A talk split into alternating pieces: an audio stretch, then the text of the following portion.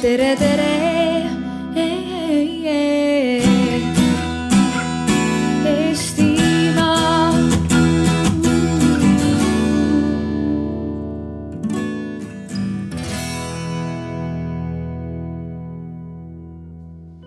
Nii, tervist kõigile, kes on siia kogunenud õiguslava sada äärde kuulama arutelu selle üle, kuidas sünnib saladus. mul on hea meel, et saladus, saladused pakuvad nii palju huvi siin alles varastel hommikutundidel, suvistel. et äh, arutellu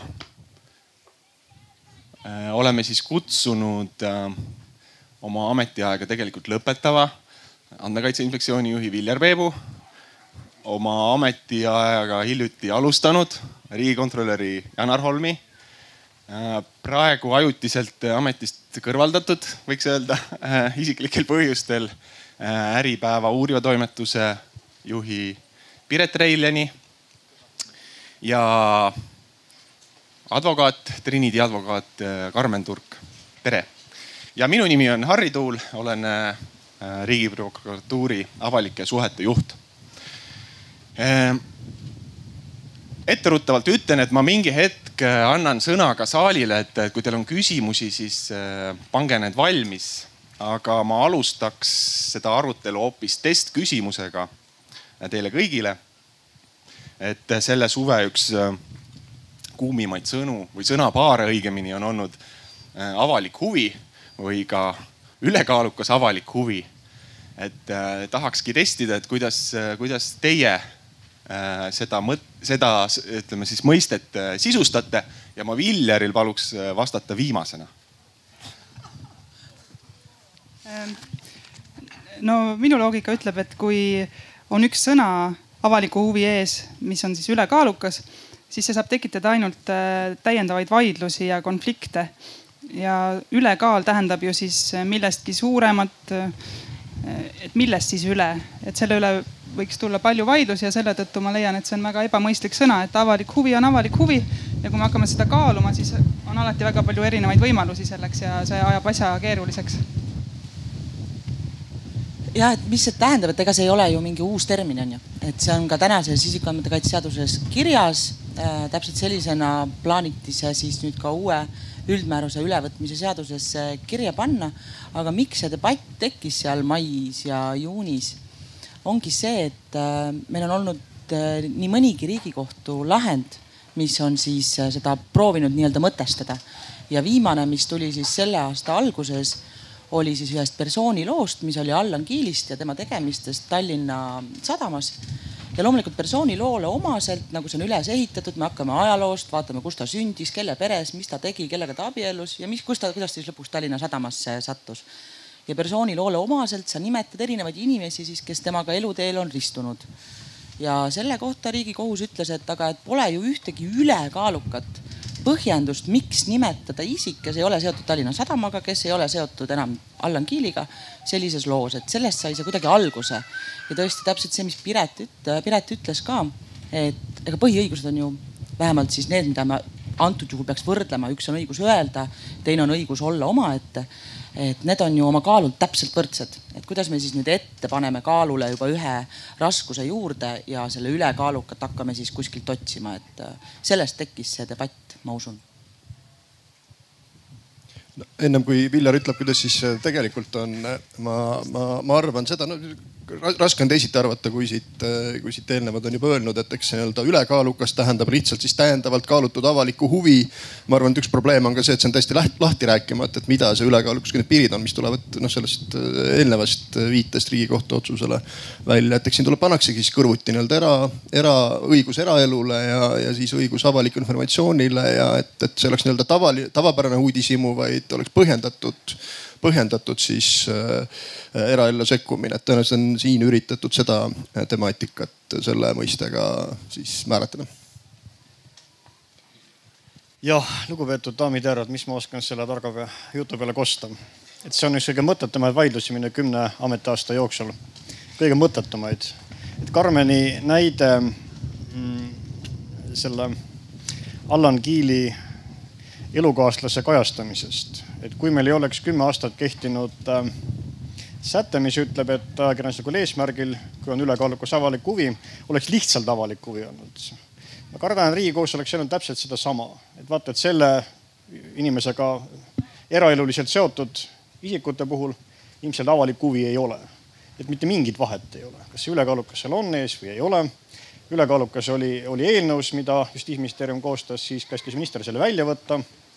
Siis äh, pandi ta komisjonis Riigikogus tagasi siis need, kes tagasi panid, korra kavastasid, nad tegutsesid kuidagi mingis zombiolekus, ei saanud aru, hääletasid vastu, tegid kära, et no vabandust, kõige mõttetum vaidlus kümne aasta jooksul, mida ma olen näinud oma erialal no,. väga huvitav, aga ometi äh, tänavu siis juunis, et äh, Eesti Ekspressi uuriv ajakirjanik Tarmo Vahter avaldas artikli, et, et kes kurat loob Eesti riiki, kus keegi midagi teada ei tohi. Ja, ja seal ta kirjutab, et et kui veel kahe tuhande esimesel aastal äh, kehtestas Eesti, Eesti Euroopa ühe parema avaliku teabe seaduse, et siis äh, praeguseks on seda pidevalt ja märkamatult lõhutud. et inimesed teaks olulistest asjadest üha vähem, et, et kui kahe tuhandendal aastal oli kusagil üksteist põhjuks, üksteist põhjust, miks infot mitte välja anda, siis tänaseks on, tal on loetlenud, et neid on umbes kakskümmend kuus, et kas asi on siis nat-, asi on selles suunas liikunud või on see pigem selline ajakirjaniku, ajakirjaniku vaade?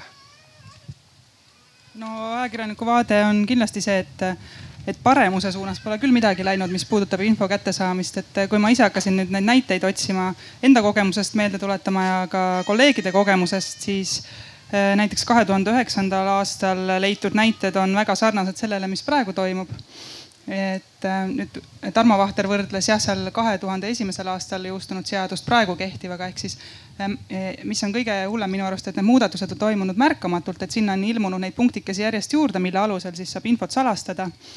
ja ajakirjanikuna ma puutun sellega päris palju kokku, et et visatakse kiiresti mingi põhjus, et näiteks siis majandusajakirjanikuna, et ahaa, aga see kahjustab ärisaladust, et me ei saa selle lepingut teile anda näiteks mingi riikliku asutuse või kohaliku omavalitsuse leping siis eraettevõtjaga. seda punkti ka alguses kaks tuhat üks aastal jõustunud seaduses ei olnud. millalgi see sinna märkamatult lisati ilma avaliku aruteluta. ja no korduvalt on olnud seda, et visatakse siis see põhjus, et vot me ei saa anda kuigi tegelikkus on ju see, et kui keegi sõlmib lepingu avaliku raha eest siis mingisuguse teenuse osutamiseks, siis eh, seal ei saa olla ärisaladust, et see leping peab olema avalik. ja tänu Andmekaitse Inspektsioonile me oleme ikkagi need lepingud, ma julgen öelda, alati kätte saanud, kui me oleme taotlenud siis eh, esitanud vaide nii-öelda ja siis eh, ande, Andmekaitse Inspektsioon on otsustanud, et, et seal ei ole ikkagi seadusest tulenevat õigust äh, seda lepingut varjata, et neid näiteid on päris palju ja kurb ongi see, et, et Eesti riik ju areneb kogu aeg ja väike ühiskond, et võiks olla avatud. ja aga tegelikult info kättesaadavus küll paremaks pole muutunud, et ikkagi vastupidi. eks ta, eks ta on ju tõepoolest niimoodi, et ega ajakirjanik on ju see, kes saab ühiskonnale seda infot anda, et igaüks meist üksinda ei käi ju kuskil lepinguid vaatamas. aga ma arvan, neid näiteid on olnud viimasel ajal tõesti nagu rohkem, mulle tundub, kui varem, et äh, minu jaoks oli see, ma arvan, paar aastat tagasi, kui otsustati, et riigikohtu lahendeid, meil on hästi palju vanu lahendeid ja isikuandmed on seal sees. tehniliselt on hästi keeruline neid sealt eemaldada. ei oska ka nagu hästi, et kõige lihtsam on, et võtame need enne kaks tuhat kuus tehtud kõik äh, maa ja ringkonnakohtu lahendid, võtame need üldse ära nii-öelda avalikust kohast, et need on kättesaadavad ainult kohtutöötajatele noh, võib ju vaielda, et kas need on üldse olulised enne kaks tuhat kuus aastat ja kes neid ikka loeb. aga noh, tegelikult loeks küll noh. aga et ja ongi, et põhjus oli see, et see on kuidagi tehniliselt keerukas ja kallis. lihtsamalt võtame need sada kakskümmend tuhat lahendit ja võtame need lihtsalt avalikust ruumist ära. Neid nagu enam ei olegi ja tegemata üldse vahet, et kas vaidlus oli väga oluline, kas see oli üldse mingi inimsusevastane kuritegu, mis võis ju ka olla. Äh, see oli mingi avaliku debati aluseks ja objektiks olnud äh, temaatika ja vaidlus, et sellele enam juurdepääsu pole, et selliseid juhtumeid on, ma arvan, rohkem ja rohkem. jah, et kui ajakirjanik näiteks saab info, et vot mingi olulise, kasvõi riigiameti juhtivtöötajaks tuleb keegi inimene, keda me varem väga ei tea, siis üks koht ju, kust me infot hangime, no me vaatame, kas tal on mingeid varasemaid probleeme olnud siis õigusrikkumistega ja ja kui ütleme jah, et kaks tuhat kuus ja sealt varasemad asjad ära kustutada, siis me ei saagi teada võib-olla, et mis, mis see inimene varem on teinud, et, et see tundub nii absurdne, et ikkagi oma töös ju me kogu aeg vaatame inimeste tausta ja kui seal ei ole midagi või on sellised ebaolulised asjad, siis ega neid ei avaldatagi, aga vähemalt võimalus peab olema kontrollida. et millega isik, kas on tal varem olnud mingeid rikkumisi näiteks? Ma, ma arvan, et ajakirjanik kindlasti ei eksi, kui ta oma töös tajub seda, et, et mingi, mingisugusele infole on äh, juurdepääs raskem, aga ma arvan, et võib-olla on natuke ülekohtune öelda, et aasta kaks tuhat versus kaks tuhat kaheksateist, et nüüd on asjad halvemad, et et ma arvan, et, et, et kindlasti on teemasid, kus äh, nii-öelda siis tõmmatakse seda maastikku kokku või seda lähenemisvõimalust kokku, aga kui me mõtleme selle peale, mis oli aastal kaks tuhat ja mis on praegu infotehnoloogia, mis võimaldab juurde pääseda dokumentidele, mida vanasti oli eraldi küsida, et see käib suhteliselt automaatselt, me oleme sellega harjunud, on, on erinevad andmekogud, kus, kus on ka kodanikel võimalik info, informatsiooni saada suhteliselt kiirelt. ma arvan, et see nõudlikkus on ka meil kasvanud selle juures, et, et et, et kindlasti ma ei ole nõus sellega, et võrreldes kaks tuhat on halvemaks läinud, aga, aga, aga kindlasti ei saa nüüd arvata, et kõik on väga hästi ja, ja, ja seda teistpidist survet ei ole, et jälle kuskilt mingit, mingit inforuumi kinni tõmmata. nii, Viljar. avaliku teabe seadus koostati eelnõuna tuhat üheksasada üheksakümmend kaheksa, üheksakümmend üheksa. et siis oli juba suur edasiminek see, kui nähti ette, et siis asutuse dokumendi haldus peab olema elektrooniline. ehk siis seda, mis oli paberi peal, hakati digitaliseerima, et noh, mõelge ise, ühesõnaga üks asi on see, et teil nagu oleks õigus küsida. põhiseaduse paragrahv nelikümmend neli annab ka õiguse küsida avaliku sektori asutustelt teavet nende tegevuse kohta. aga teine asi on, et ei tea, mida küsida, siis see tuleb alles kõigepealt üles otsida. et äh, kuidas nüüd seda võtta, et noh, tegelikult osa teavet on täpselt nii, nagu Janar ütles on, on digiteave, kas on see erinevates registrites kättesaadav või on ta asutuse veebilehel. näiteks me oleme see riik, kus äh, asutuste poolt tellitud uuringud tuleb veebilehel avaldada. või on asutuse dokregister ehk siis äh, ülevaatekataloog dokumentidest, nende metaandmetest, et see on põhimõtteliselt nähtav ja ta on ka klõpsatava ligipääsuga, kui on digidokument ja ta ei ole, peaaegu kõik dokumendid ongi digidokumendid ja ta ei ole äh, juurdepääsupiiranguga et vaat nüüd see kõrgem pilotaaž tuleb siis, kui äh, advokaadid, ajakirjanikud ja muidu osapooled hakkavad teabe nõuetama. ehk siis äh, see ei ole nüüd see teave, mis on kuskil registris klõpsuga või, või allalaaditav või kuhu saab roboti panna alla laadima, vaid mida tuleb hakata otsima ja, ja tööd tegema. et vot sellega on nüüd nii ja naa. ma käisin mitu aastat koos oma Inglise kolleegi ja veel mõnede kolleegide ja Inglismaalt oli ka üks äh, kõige suurem avaliku teabealase survegrupi juht, kes käis käisime TAIEX-i programmi kaudu õpetamas lähivälismaad. Iisrael, Egiptus ja Makedoonia ja muud sellised naljakad riigid. ja alati, mis meid jahmatas, oli see, et mida tegelikult need Inglise survegrupid seal suures riigis teevad. süstemaatiliselt jälgivad näiteks asutuste kulusid, võrdlevad, toovad näiteks välja, no mida iganes saab võrrelda. ütleme siis kuritegevuse taset ja politseiprefektuure või surnu, surnute arvu ja haiglaid, ütleme haiglas surnud ja nii edasi ja leida tegelikult päris palju huvitavat. et küsimus on, et kus meil need survegrupid on. et kaks tuhat, kui äh, avaliku teabe seadus vastu võeti, oli, ütleme grupp poliitikuid, kõigepealt need, kes eelnõud ise tegid, Lang ja, ja, ja Ivar Tallo.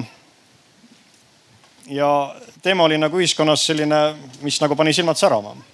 aga mis pilt nagu praegu on? Et kes see survegrupp nüüd siis on. Liia Ännit või nimetada, endine poliitik, Erigi Akadeemia, tema nagu ajab seda asja fanaatiliselt. üksikud ajakirjanikud nagu, nagu Äripäevast või, või Ekspressist mõnikord kasutavad seda päris süstemaatiliselt. ja ütleme siis mõni selline ad hoc teema, noh Rail Baltic või midagi taolist, kus on siis mingi survegrupp, kes ajab nii-öelda selle teema asju. aga mingit süstemaatilist nagu ühiskonnapoolset taganttõukamist ei ole. kui me võtame poliitikud, siis läheb asi nagu päris piinlikuks et üks asi on see, kui me räägime avaliku teabe seaduse väljundist, see on ligipääs olemasolevale teabele, olemasolevatele dokumentidele, lepingutele, õigusaktidele, millele iganes. teine asi on pääseda ligi infole, kus neid, kus seda avalikku teavet alles luuakse.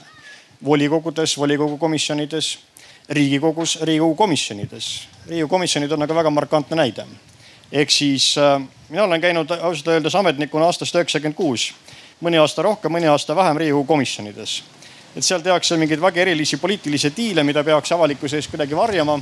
ei ole ma üldiselt kordagi täheldanud. jutt ei käi fraktsioonide materjalidest, jutt käib Riigikogu komisjonide istungite salvestustest, kus arutatakse, kus tegelikult te leiate seda, ütleme, kus tegelikult on see info, mida te eelnõu seletuskirjast ei näe. miks mingi säte on nii, eriti kui ta Riigikogus muudetakse. et äh, no see läks nagu nüüd siis Riigikogu Kantselei ja, ja Riigikohtu ühiste pingutustega ähm, prügikasti. ehk siis leiti, et see on nii püha asi, et, et sellel ei ole avaliku teabe seaduse kohaldamise ala ega andmekaitse inspektsiooni järelevalvet. et nii ta on, aga see, mida inspektsioon saab teha, on nüüd, et ükski asi ei ole niimoodi, et nagu lased nipsu ja, ja avaldad Riigi Teatajas ja siis ta voolab kohe ise niimoodi nagu loodusseadus me oleme protestantlik rahvas, meil on nagu kuidagi selline kõrgendatud arusaam, et vaata, et see, mis tuleb äh, seaduse kujul, et see on peaaegu nagu loodusseadus. kui niimoodi on avaldatud Riigi Teatajas, järelikult ise niimoodi toimib. no ei toimi niimoodi ise.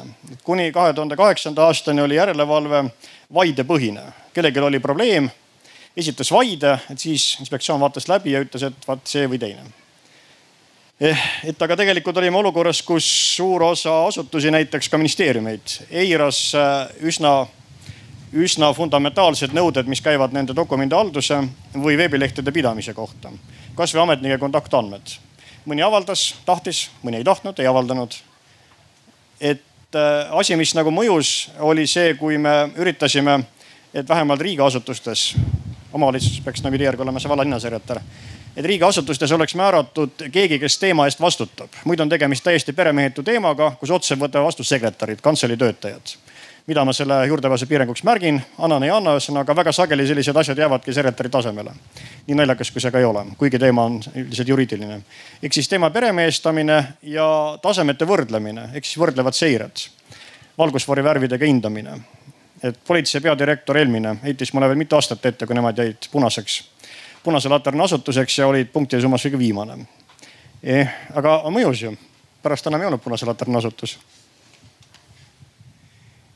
ma selguse mõttes võib-olla meil tasuks korra lahti rääkida, et kui me siin kasutame küll sõna saladused, siis me ei räägi, eks ole, julgeoleku mingitel teemadel ega riigisaladustest, vaid räägime nendest, äh, sellest infost, mis jääb nii-öelda varju, mis on kas asutuse sisesteks kuulutatud äh, või muul põhjusel, et ja, ja sellel on ka väga tegelikult ju ka noh, õiged põhjused, et, et mis need noh, mis, mis juhul üldse äh, ametisiseseks äh,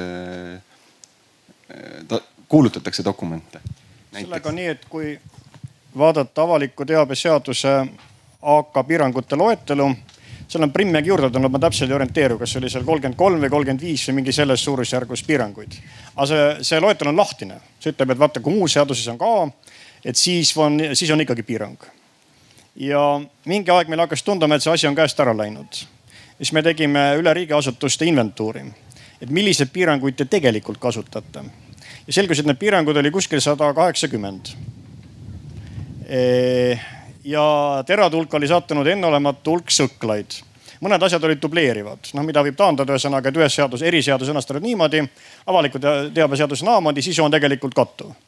aga väga palju oli selliseid piiranguid, kus äh, viidati näiteks saladuse hoidmise kohustusele noh, kõige lihtsam on, et avaliku teabe seadus ütleb, et ametnik peab saladust hoidma, piiranguga teavet hoidma.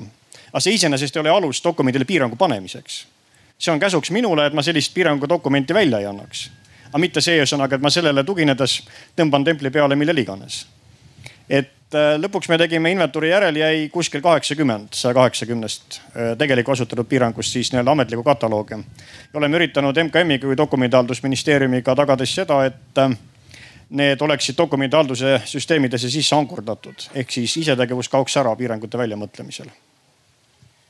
aga meil ongi, olen isegi näinud mitut dokumenti, mis küll juhendavad dokumentidele piirangute seadmist, et kas ütleme naljaga pooleks küsiks, et kas võiks kaaluda ka sellise juhendi väljaandmist, mis aitaks nii-öelda neid mitte peale panna? jah, ajakirjanikuna ma ütleks jälle seda, et päris palju kohtab äh, igaks juhuks salastamist, et äh, paneme igaks juhuks selle templi peale või ärme igaks juhuks välja anname, et jumal teab, mis jama sellest võib tulla. et kuigi tegelikult ei ole alust varjata, et mõningate näidete puhul on tekkinudki selline tunne, et, et loll on see, kes ei leia põhjust mingi dokumendi salastamiseks. üks lemmikuid näiteks on ametnikel see, et öelda, et aga see sisaldab isikuandmeid. näiteks aadressi, postiaadressi, pangakonto numbrit, asju, mis tegelikult ajakirjanikku üldse ei huvitagi, et jumala eest, et katke kinni need kohad, kus seal on Äh, mingi selline info ja andke need dokumendid välja, sest meid huvitavad muud asjad, et näiteks äh, avaliku raha, raha kasutamine ja sellised asjad, et meid ei huvitagi, et kas isiku X pangakonto number on see või teine näiteks. et hästi lihtne on pugeda mingisuguste selliste üksikute ridade taha, kus on mingi info, mis justkui läheb siis sinna isikuandmete alla, et siin jällegi on Andmekaitse Inspektsioon tulnud appi, kes ongi öelnud, et selle siis vastavale asutusele, et palun katke see rida kinni ja andke välja. et jah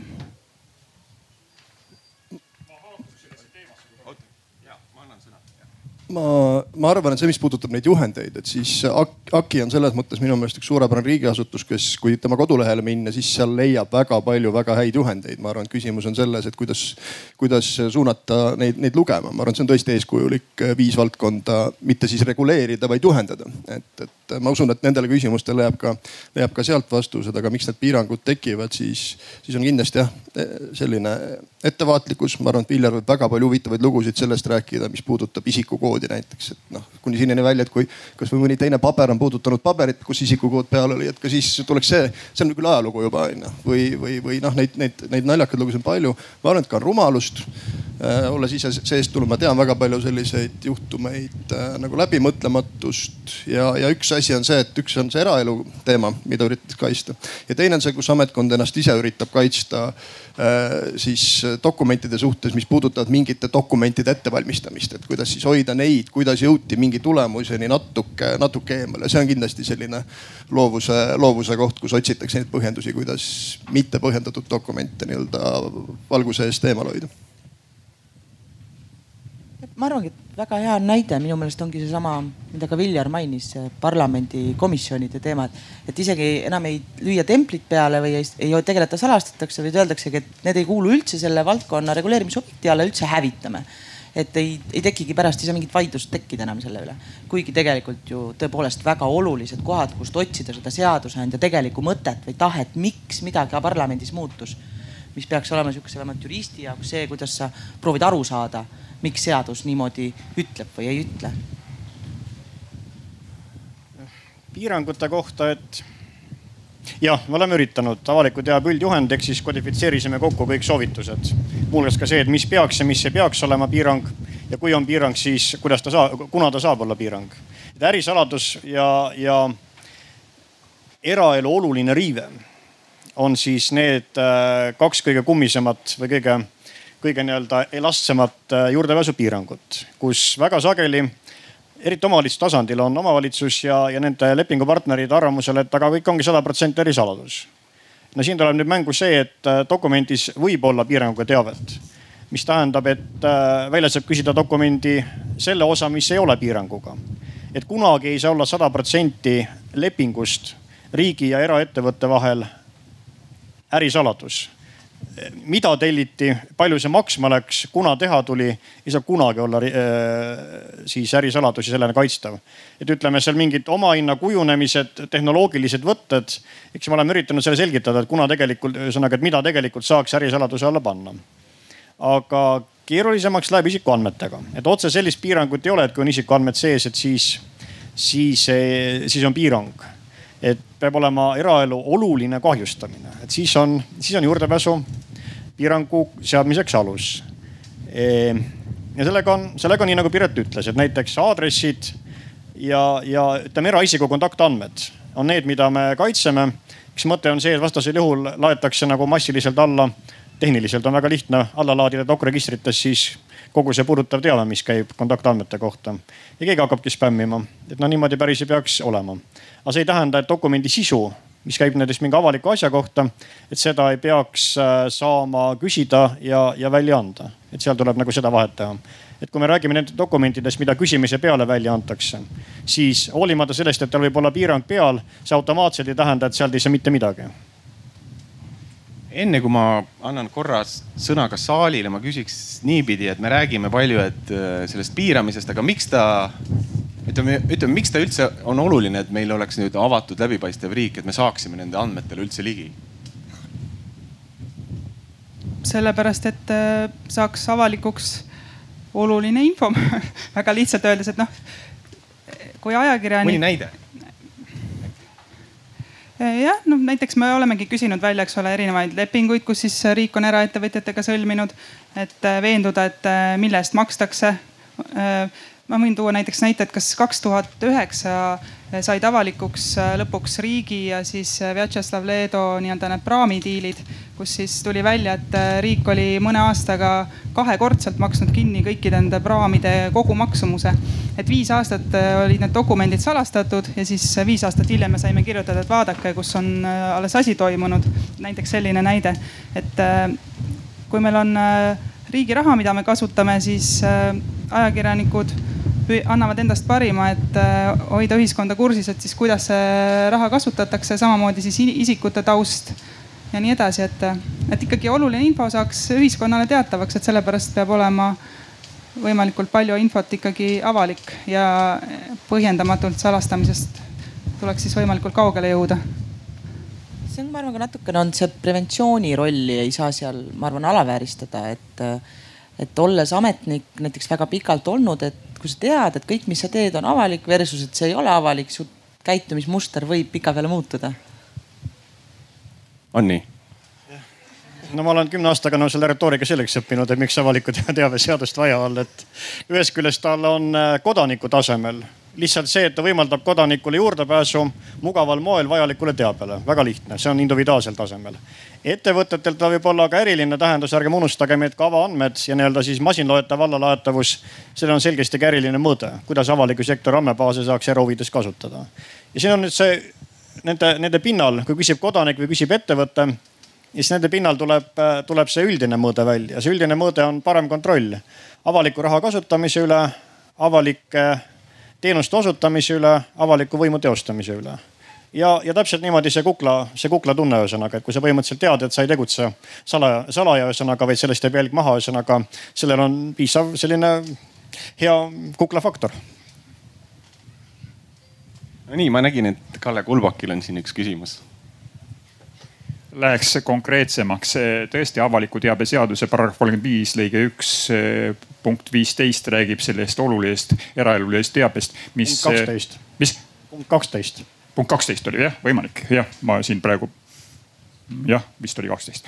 E, tähendab, et, et kui me vaatame dokumenti registrit, siis piirangud tuginevad peamiselt sellele. E, esitasin rahandusministeeriumile hulga igasuguseid selgitustaotlusi olulises, minu jaoks noh väga aval, avalikult olulises küsimuse, õigusvastaselt algatatud riigi eriplaneering tselluloositehase küsimuses, tõin välja oma argumendid ja tahtsin, et e, dokumendi registriks nähtuks ka vastused no, avalikult. Ja seetõttu ma kirjutasin, et ma ei pea oma e-posti aadressi ja, ja mobiiltelefoni, mis on tegelikult ka noh, minu puhul veebis kättesaadavad, ei pea oluliseks eraoluliseks andmeks. Ja võtsin ühendust ka eh, kantseleiga ja palusin, et kogu selles sarjas nii minu kirjad kui ka antavad vastused oleks avalik teave. Eh, muudeti minu kirjad, pöördumised avalikuks, aga vastus oli, et eh, jah, selle avaliku teabe seaduse paragrahv kolmkümmend viis lõige üks punkti kaksteist alusel tunnistatud asutusesiseseks. küsisin siis, kas, et nüüd selle juristi eh, nii-öelda vastava juristi nimi on eraeluline teave? ei, ikka kaitstakse minu neid teabeid, mida ma olin tunnistanud mitteoluliseks. pöördusin andmekaitse inspektsiooni poole ja Elve Adamson kirjutas, et mul ei olegi nõu, õigus nõuda, et kui ma olen tunnistanud mingid asjad mais nii-öelda mitteoluliseks eraeluliseks andmeks, siis et äh, asutusel on õigus seda kasutada, aga mul ei ole õigus nõuda, et asutus seda minu poolt antud informatsiooni kasutaks. sa saad seda kontrollida, ma saatsin veel täna hommikul, et no, et, et, et andmekaitse inspektsioonile kirja. tänaseks on tõesti nüüd see vastus muudetud ka noh avalikuks, aga see on nüüd selle tulemusena, et ma ei kirjutanud enam emeriitkuningriiklase Kalle Kulbokina, vaid sõlmisin lepingu äh, MTÜ-ga äh,. üldkoosolek käsitles seda, et, et mina mina juhatuse liikmena võin, et noh, et emeriitkuningriiklase Kalle Kulbokit huvitavad, küsimused esitada selle juriidilise isiku nimel ja sellisel juhul ei saagi tugineda sellesama avaliku teabe seaduse paragrahvi kolmkümmend viis lõige üks punktile kaksteist ütleme niimoodi, et suur mass paneb asjad paika. et kui te mõtlete äh, asutuste dokumendi käibele, mida üldiselt haldavad äh, palehigis mitte väga suur arv kantselei tööjõudu ja, ja muid menetlejaid, siis äh, lihtsam on järgida kirvereegleid. kirvereegel on see, et ametnike andmed ei ole salajased, juurisikute ja nende juhatuse liikmete andmed ei ole salajased, eraisikud on salajased. et ma arvan, et siin läkski see suure massi seadus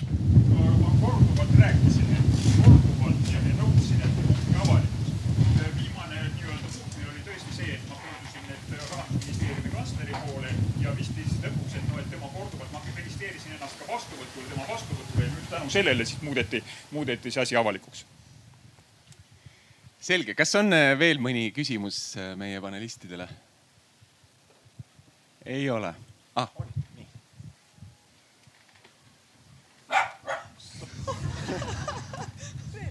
nii äh, küsib või õigupoolest mul oli võib-olla niivõrd küsimus, kuivõrd üks tähelepanek omaenda ametilaadsest praktikast.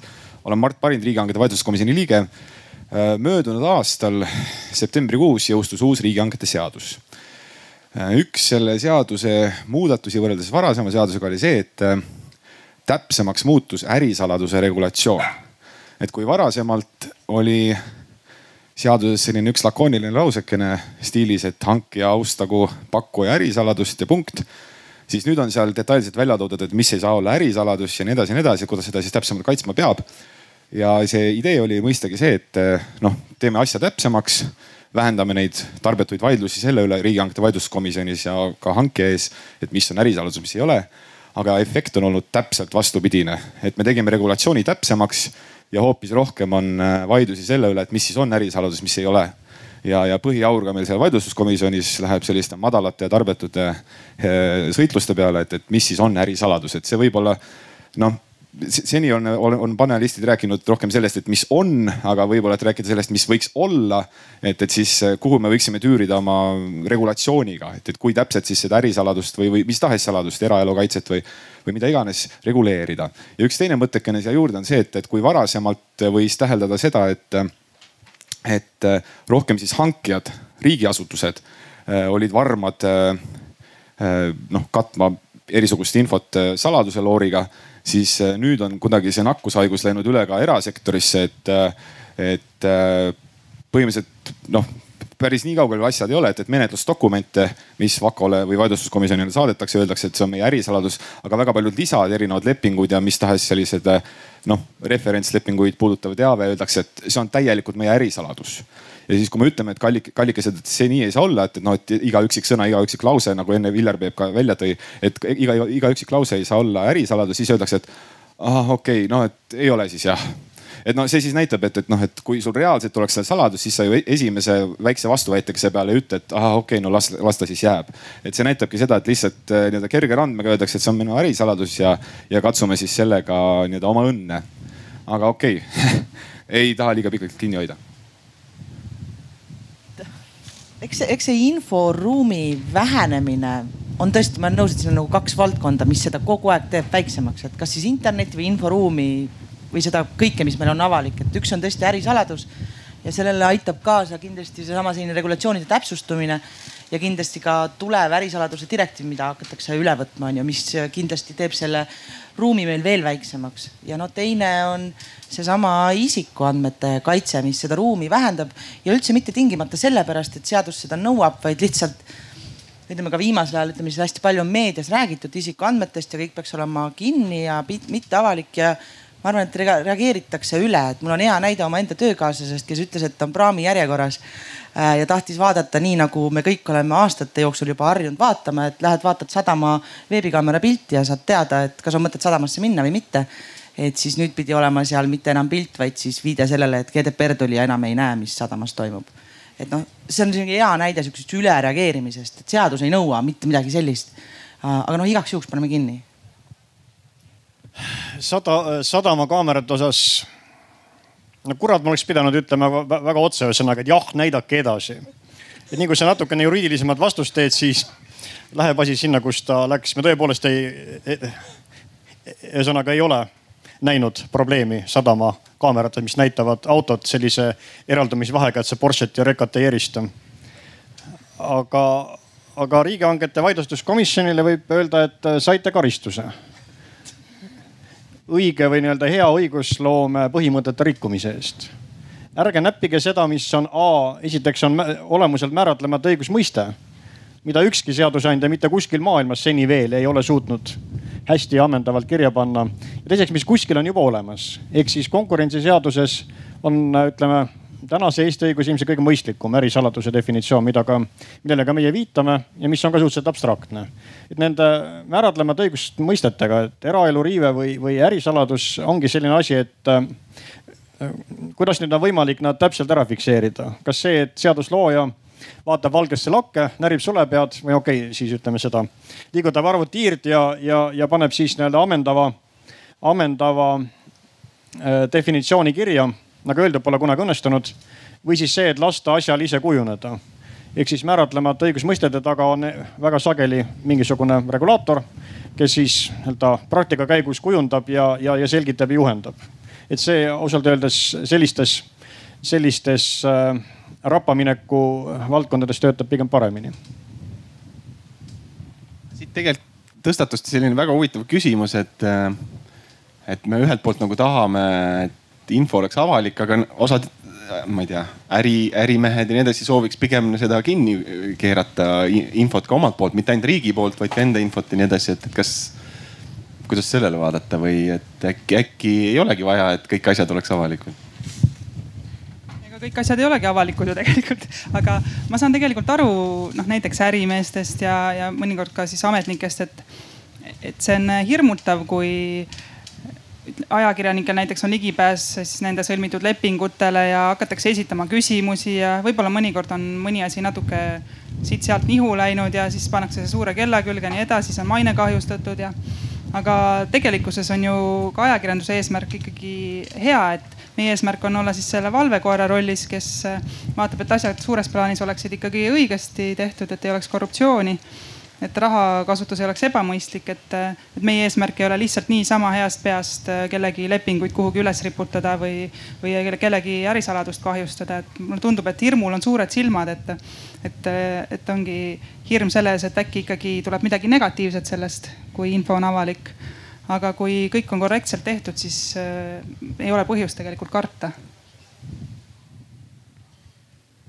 no eks, eks konkurentidel on natuke teine eesmärk ka omavahel, et äh, pigem ongi, et kui sa annad välja infot, kuidas su oma hind on ju kujuneb, noh arusaadav, et sa ei taha, et su konkurendid seda loevad. aga eks see ongi, mina ütlen ikkagi, et see on ikkagi ülereageerimine nii oma äri eesmärkide suhtes, aga tõepoolest selle hirmu suhtes, et mida nagu teised, sealhulgas konkurendid selle infoga peale hakkavad ma arvan, mis seda ärisaladust siin käis viide läbi, et, et et, et see probleem on süvenenud nüüd ja ma arvan, see on paljuski sellepärast süvenenud, et lepingud väga lihtsalt leitavad. ilma küsimata, juhuslikult võib peale sattuda, on nähtavad ja nii-öelda siis, siis kardetakse seda. ja no üldiselt peaks avalik sektor lähtuma sellest, et lepingud, mida ta teeb, on ju pigem reeglina avalikud ja seal on oma mingid teatavad piirangud. ma arvan, et see nii-öelda esimene küsimus on, miks neid nii-öelda avaliku sektori poolt kinni pannakse, et, et lähtepositsioon on võib-olla pisut, pisut vale juba nii-öelda hanget tegema hakates. see mõtteviis peaks olema kogu aeg selline, et see leping, mida ma teen, on reeglina avalik ja siis tuleb eraldi käsitleda neid juhtumeid, mis siis sellest lepingust, leping ei saa ju tervikuna olla, vaid seal on täpselt mingid, mingid konkreetsed küsimused siis võivad olla äri, ärisaladusega kaitstud, nii et ma arvan, et see on natuke sellise mõtteviisi küsimus ka, kuidas läheneda sellele suhtele. kui lähtefilosoofia juurde tulla, siis siin on nagu kaks paradoksi. üks on see, et meie avaliku teabe seadus on valinud selle lähenemise, et vaikimisi on kõik avalik, mis on avalikus sektoris loodud ja, ja, ja avalik ei ole see, kui talle eraldi seatakse peale piirang. mitte vastupidi, et kõik on vaikimisi salajane ja tuleb, tuleb eraldi avada. aga kui me nüüd sanktsiooni poole jõuame, siis sanktsiooni poolega on nii, et kuna saab ametnik äh, vastu näppe siis kui ta. siis kui ta, siis kui ta avalikustab seda, mida ei tohiks ja mitte kunagi selle eest, kui, mitte kunagi ei saa öelda, aga väga harva selle eest, kui ta on pannud rohkem nii-öelda kaitset. täpselt nii, et sealt see tuleb siis vahe selle seadusandja algse soovmõtlemise ja, ja tegeliku reaalsuse vahel. et karistatav on, karistatav on äh, AK teabe avaldamine, piiranguga teabe avaldamine Äh, kui ei, ühesõnaga, et lihtsam on panna piirang peale, tagant, tagantjärgi vaielda, no võetakse ära, ühesõnaga. aga siis ei ole seda, seda kohe nii-öelda trahvihirmu, et juhul kui, juhul kui äh, kohe avaldatakse, siis noh, põhimõtteliselt avaldatakse midagi, mis oleks piiranguga, olgu ärisaladus või mida iganes. et siis on nagu see, et, et panin toime ja enam tagasi, tagasi ei pööra, enam ei hüvita. et seal on need paradoksid jah, samas äh, avalikkuse poolt äh, halvakspanu tuleb äh, ka nendele, kes varjavad põhjendamatult infot. siis hakatakse neid asutusi kutsuma suletud salatsevateks asutusteks ja hakatakse paratamatult arvama, et ju seal on siis nii palju, mida varjata ja nii edasi, et mina ikkagi soovitan võimalikult avatud olla ja mitte võtta endale siis seda taaka kaela, et, et oi, nad seal kindlasti midagi varjavad, sest vot see, see, see asi on põhjendamatult lukku keeratud. et see on jah, trahvid on üks asi, aga selline avalik tähelepanu on ka kindlasti oluline. trahvimise praktika kohta nii palju, et tavaliselt aastas neid üks-kaks teeme ütleme, ühed, ühed asjad on nii-öelda uudishimu päringud, kui keegi lihtsalt istub kuskil seal kinnise andmebaasi otsas ja surfab, mida ta ei tohiks tööalaselt surfata. aga teine asi on see, kui nüüd on äh, puhtalt laiskus, lollus, lohakus tavaliselt dokumendiregistri kaudu, kui tõepoolest riputataksegi üle, üles näiteks seal lapsendamise selliste noh, tundlike sotsiaalprobleemide ja, ja perekonna üksikasjade teavet. kui see enam tõesti tagasi ei pööra, info rippuski üleval siis, siis tõesti, ühesõnaga mõnikord me oleme seda teinud, aga üldiselt AKI ei, ei, ühesõnaga ei, ei ole eriti innukas trahvi aga kui suurusjärku küsida, et kui palju teil, teie poole aastas pöördutakse, et midagi teada saada? Eh,. vaat see nüüd kõigub ja see on nüüd see piinlikum koht. sest tegelikult, kui meie poole vaidega pöördutakse, siis on, äh, taga on tegelikult juba tüli. asutus ei andnud välja, keeldus või ei andnud välja ühesõnaga ilma põhjendamata. et ähm, noh, ütleme nelikümmend kuni kuuskümmend on, on aastakus oli sada viiskümmend. aga viimastel aastatel on see number kokku kuivanud ja lugupeetud kaaspenalistid, lugupeetud publikum, mis te arvate, kes produtseerib kaks kolmandikku avaliku teabe vaietest? vangid, muidugi vangid. et see näitab, et nagu selliseid päris survegruppe on, on suhteliselt nõrgalt, kes avaliku teabe seaduse praktiseerimisega tegeleksid jah, aga see võib-olla ei ole mitte kõige eluliselt kõige vajalikum näide. kas vahepeal on mõni küsimus tekkinud publikul?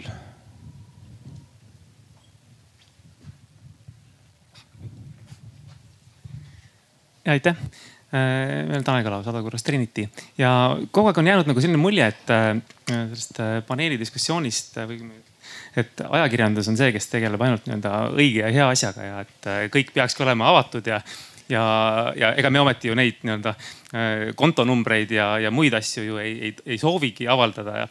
aga et vaadata viimasel ajal on ju päris palju igasuguseid menetlusandmeid lekkinud ajakirjandusmenetluse jooksul noh, mis kindlasti noh, ei ole hea õigusmõistmise juures noh, nii-öelda soovitav. et äh, kas, kas me äkki ei saa siin põhjusena, et noh, miks üritatakse salastada asju, sellepärast et noh, et tegelikult see käitumine, et noh, isegi kui saadetakse kuskilt nii-öelda ebaseaduslikul teel äh, mingeid andmeid ja neid tegelikult avaldatakse. et noh, et äh, noh, äkki ei peakski avaldama siis ajakirjandusele neid andmeid, et noh, nad küll võivad öelda, et nad teevad seda kõike nii-öelda heal eesmärgil, aga, aga tegelikkuses äh, toimub nii-öelda õigusmõistmise äh, takistamine või, äh, või noh, ütleme, kui me räägime mingitest tehingutest, siis ta ei võib olla õigusmõistmise takistamine, aga mingil muul, muu nii-öelda protsessi takistamine mingisuguse huvigrupi mahitusel. et kas me äkki peaksime nagu vaatama seda natuke selles, et noh, tegelikult on see noh, võib-olla teatud ajakirjanike või teatud gruppide nii-öelda mõjutatavus on see põhjus, miks soovitakse varjata ja salastada asju? jah, eks kindlasti medalil on ju alati kaks poolt, et, et ajakirjanikud ei käitu ka alati võib-olla eetiliselt, eks ole, on igasuguseid näiteid, aga siis sellest äh, ongi võimalik ju alati tõstatada diskussioon ja on võimalik ka ju kohtutes vaielda neid asju selgeks.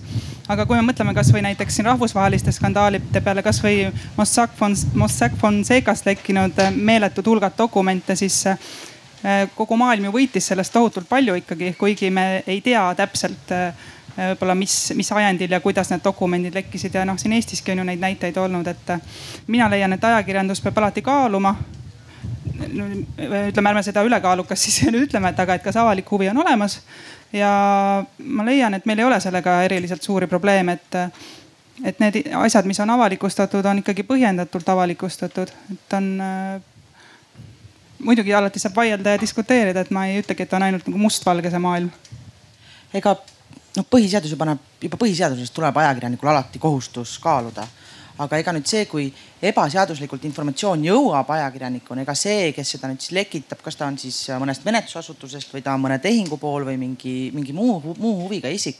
ega tema tegude üle ju ikkagi äh, kehtib see, et ta ei oleks tohtinud avaldada. minu meelest väga hea näide oli samamoodi rahvusvaheline lekitamisskandaal, mille nimi oli siis Luksemburgi paberid, äh, kus siis äh, rahvusvahelise ma nüüd loodan, et ma kellelegi kedagi ei laima, aga ma arvan, et see oli KPMG sealne äh, filiaal, kelle töötajad siis selle nii-öelda ajakirjanikule selle informatsiooni andsid.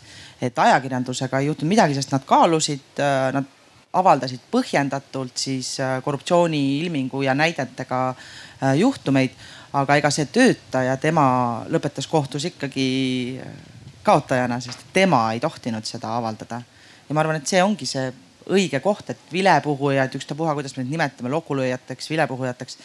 et nende kaitse on väga oluline. Äh, aga nemad peavad alati mõtlema oma tegude tagajärgedele, et, et kas nad on õigesti käitunud ja seda infot avaldanud, aga kui juba info on ajakirjand-, ajakirjaniku käes ja seal on olemas avalik huvi selle vastu, see ei ole puhas uudishimu ega spekulatsioon ja ajakirjanik on siis lähtuvalt siis ajakirjanduse eetikakoodeksist oma hoolsuskohustuse täitnud, siis ma arvan, tal ei ole mitte ainult õigus ja vabadus seda avaldada, vaid tal on lausa kohustus avaldada võib-olla remargi korras ütleks, et, et üks hea ajakirjaniku tunnus on see, et ta teab rohkem, kui ta tõenäoliselt avaldada saab.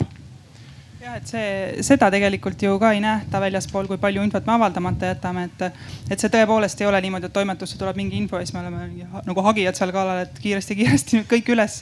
muidugi on olemas ka, eks ole, teine pool on olemas siis äh, seltskonna ajakirjandus näiteks, kus võib-olla avaldatakse, mitte võib-olla, vaid kus kindlasti avaldatakse inimeste eraelulisi detaile ja tihtipeale on seal allikad siis, et keegi kuskil nägi või rääkis mingid anonüümsed, et noh, see on täiesti teine maailm, aga, aga noh, siis ongi jälle võimalus, eks ole, vaielda ja noh, siin ei ole, igal pool maailmas on kollane ajakirjandus olemas, et siin ei ole mingit ühtset rohtu selle vastu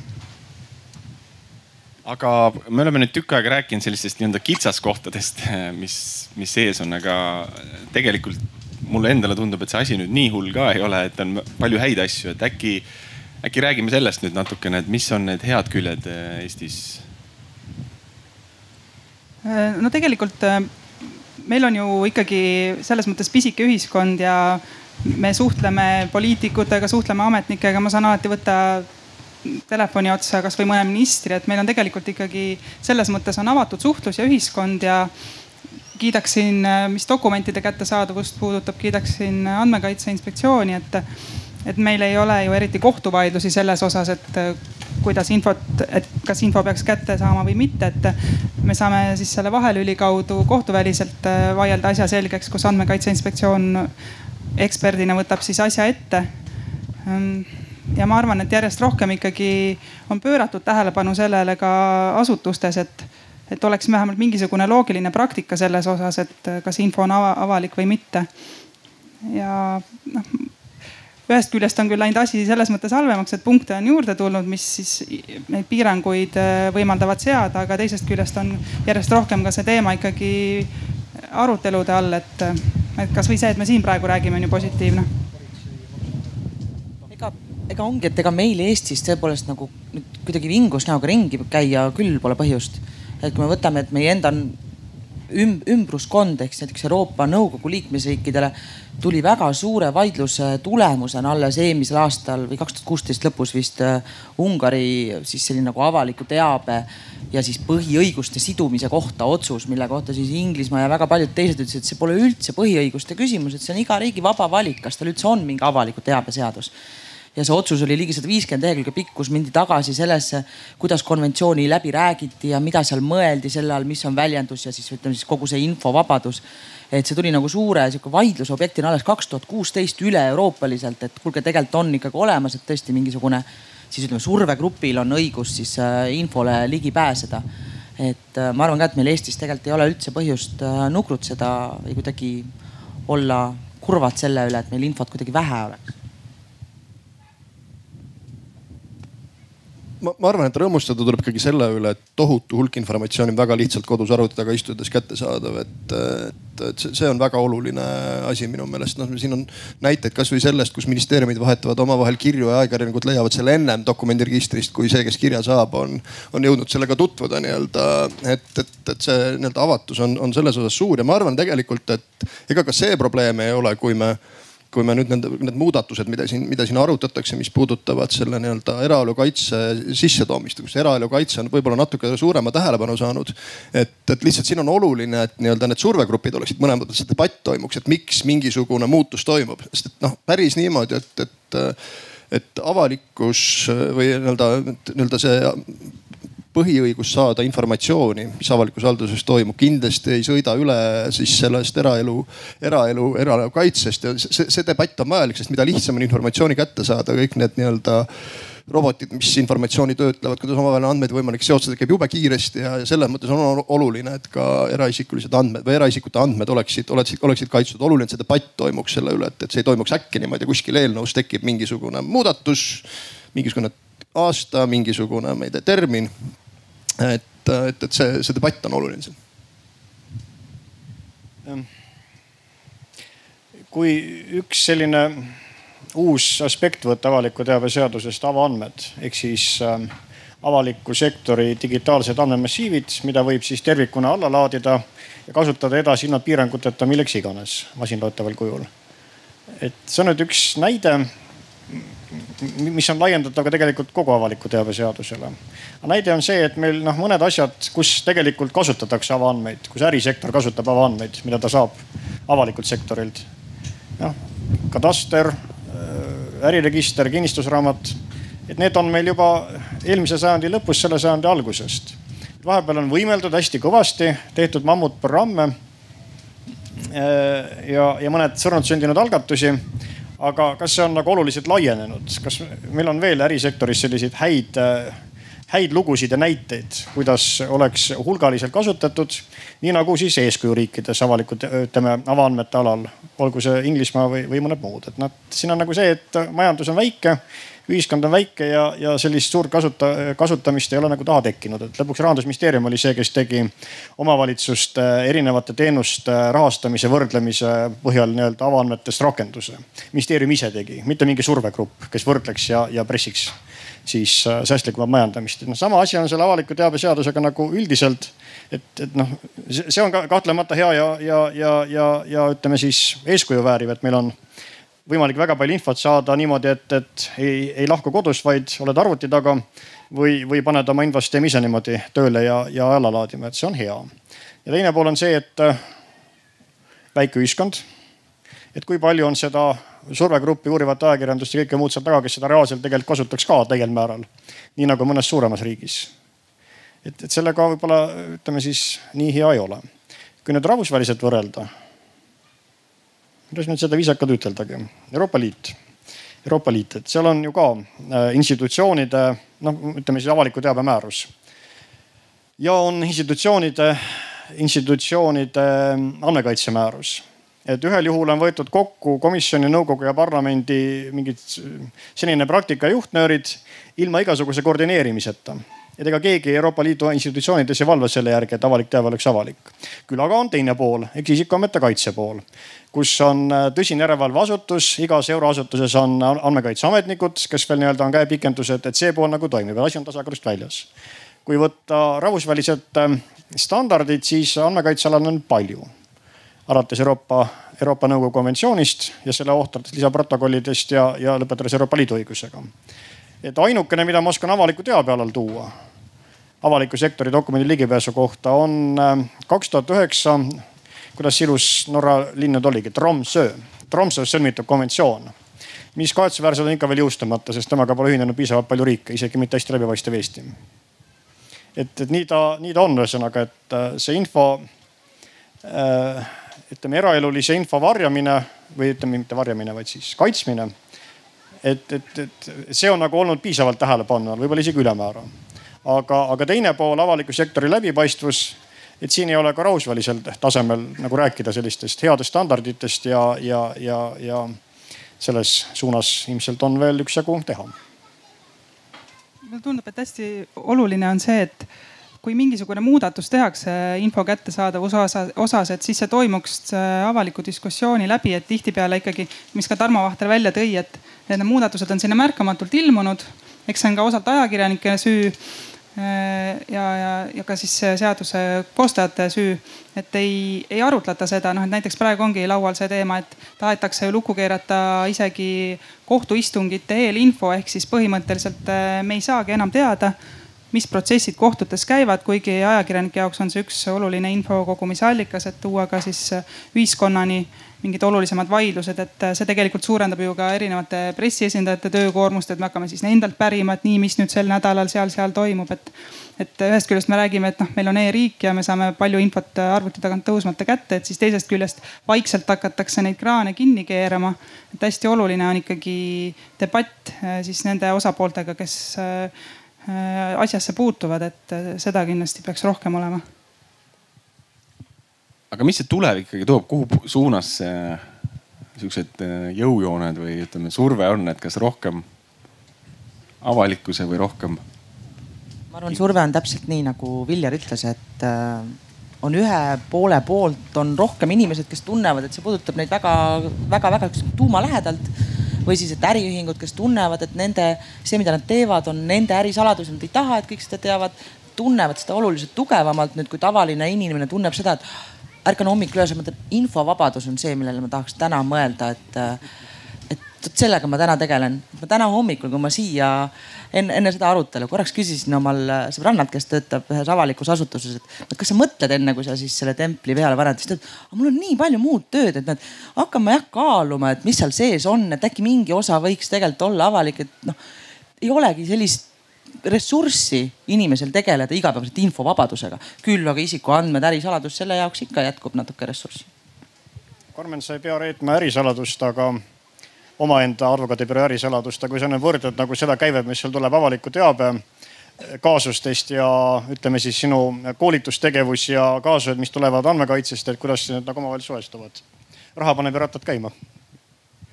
me oleme hästi avatud kui eetikakoodeks ei kohustaks kõike saladuses hoidma, siis oleks kõik avalik.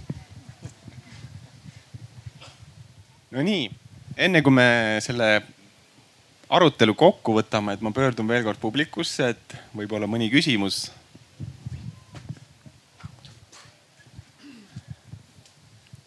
kaks küsimust. tere, tere, mina olen Eerik ja mina olen Pärnu linnaametnik ja meil tõepoolest on selle avaliku infoga kõik on väga hästi ja kohati isegi nii hästi, et äh, ma ei tea, kas see on nagu laiemalt levinud, aga meil on Pärnus näiteks sihuke tore näide, et meil on üks kodanik, kes äh, tahab kõike teada. just nimelt, ta on teile, teile tuntud, eks ju. ehk siis äh, on kodanik, kes on võimeline produtseerima kümneid teabenõudeid linnavalitsusele mõnikord kuus, mõnikord nädalas Eh, linnavalitsuse kantselei kaalub eh, täiendava ametniku palkamist selleks, et eh, kodaniku kõigile teada-tahtmistele vastata. Kodanik kasutab seda teavet, mis ta saab siis selleks, et oma blogis noh, teha kõikvõimalikke nagu suhteliselt vulgaarseid väljaütlemisi siis erinevate linnaametnike ja ja tegelaste aadressil. ehk siis noh, võiks öelda, et noh, tegemist on mingisuguse teabe kiusamisega põhimõtteliselt, kui, kui nii vaadata et ähm, et kuidas, kuidas sellega võiks olla, et, ähm, et kas, kas see on lihtsalt ütleme niimoodi, et selle kogu selle heleda avalikkuse niisugune varjukülg, mis tuleb ära kannatada või, või, või me peaksime tegelikult kaitsma oma ametiasutusi selliste kodanike eest mingil moel? Te peate lihtsalt palkama ühe inimese juurde. aga kodanik nõuab ju, et bürokraatiat tuleb vähendada ja ametnikke on liiga palju. olen selle juhtumiga kursis ei ole puhas seesamune tõde see. Vihti-vihti tähendab, et osa süü on ametnikel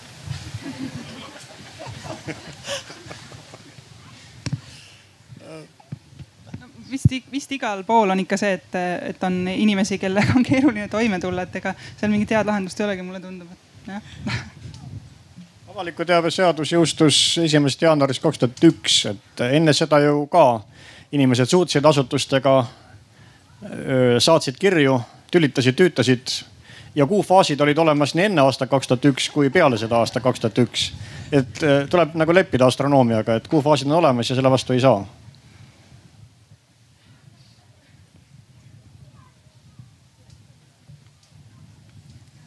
tere, mina olen Triin, ka riigiametnik, tihedalt seotud isikuandmete kaitsega ja mul oli ühelt poolt äh, tänasid äh, hea meel kuulda, et kõike ei peagi kinni katma, et justkui peaks nii palju muretsema ja panema ainult äh, nime ja võib-olla isikukoodi ja piisab küll.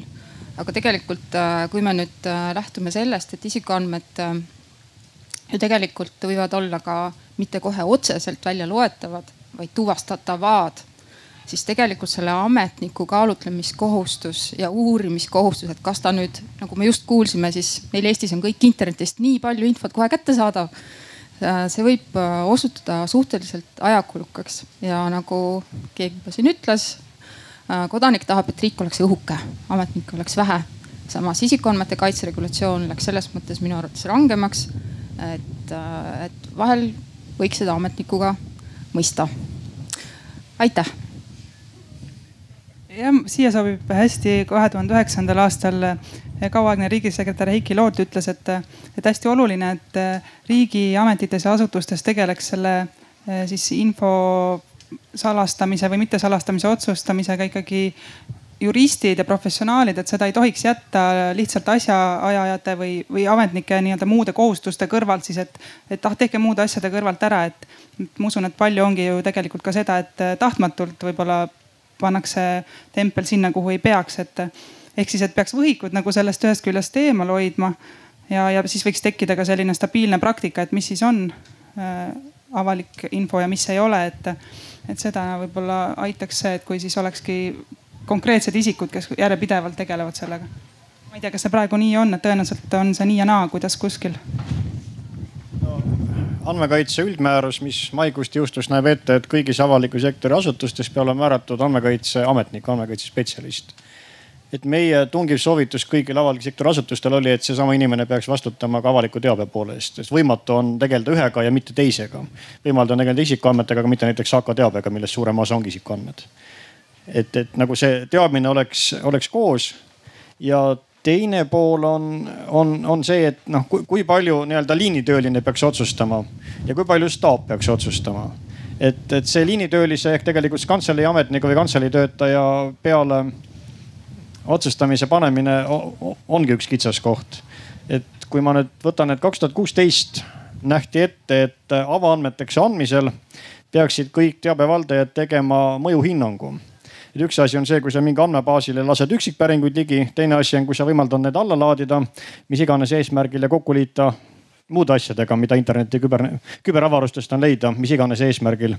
et, äh, et noh, seal on nagu riskid suuremad, et nagu hinda ära, ühesõnaga, et, et kas mingid täiendavad piirangud, siis äh, kaks aastat läks mööda ja ja mitte ükski asutus ei olnud seda suurepärast mõjuhinnangut teinud. ehk siis see on nüüd see, mida staabid peaksid tegema. Need, kes asutustes tegelikult infovoogude ja andmete avalikkuse ja andmete kaitsmise eest vastutaksid.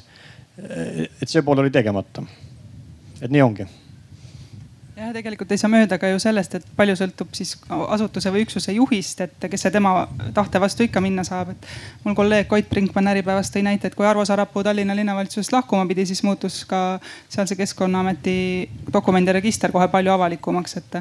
et me ei saa ikkagi sellest inimfaktorist kuidagi mööda, ükskõik siis mis tasandil on, et sellepärast ongi oluline, et me ikkagi kogu aeg hoiaksime kätt pulsil ja üritaksime küsida infot välja mitte niimoodi, et kui kohtulahendid otsustatakse enne kaks tuhat kuus aastat kohtulahendid otsustatakse mitte enam avalikustada, siis sellest kirjutatakse terve Eesti meedia peale kokku üks nupuke ja see Äripäeva poolt vist.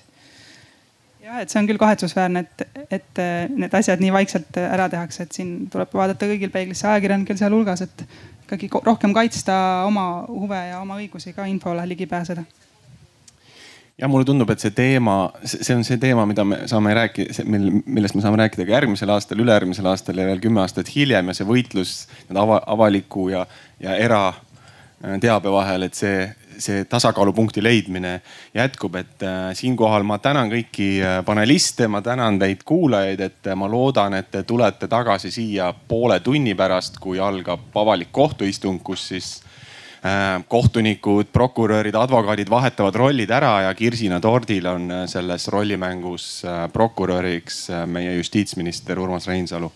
aitäh teile kõigile.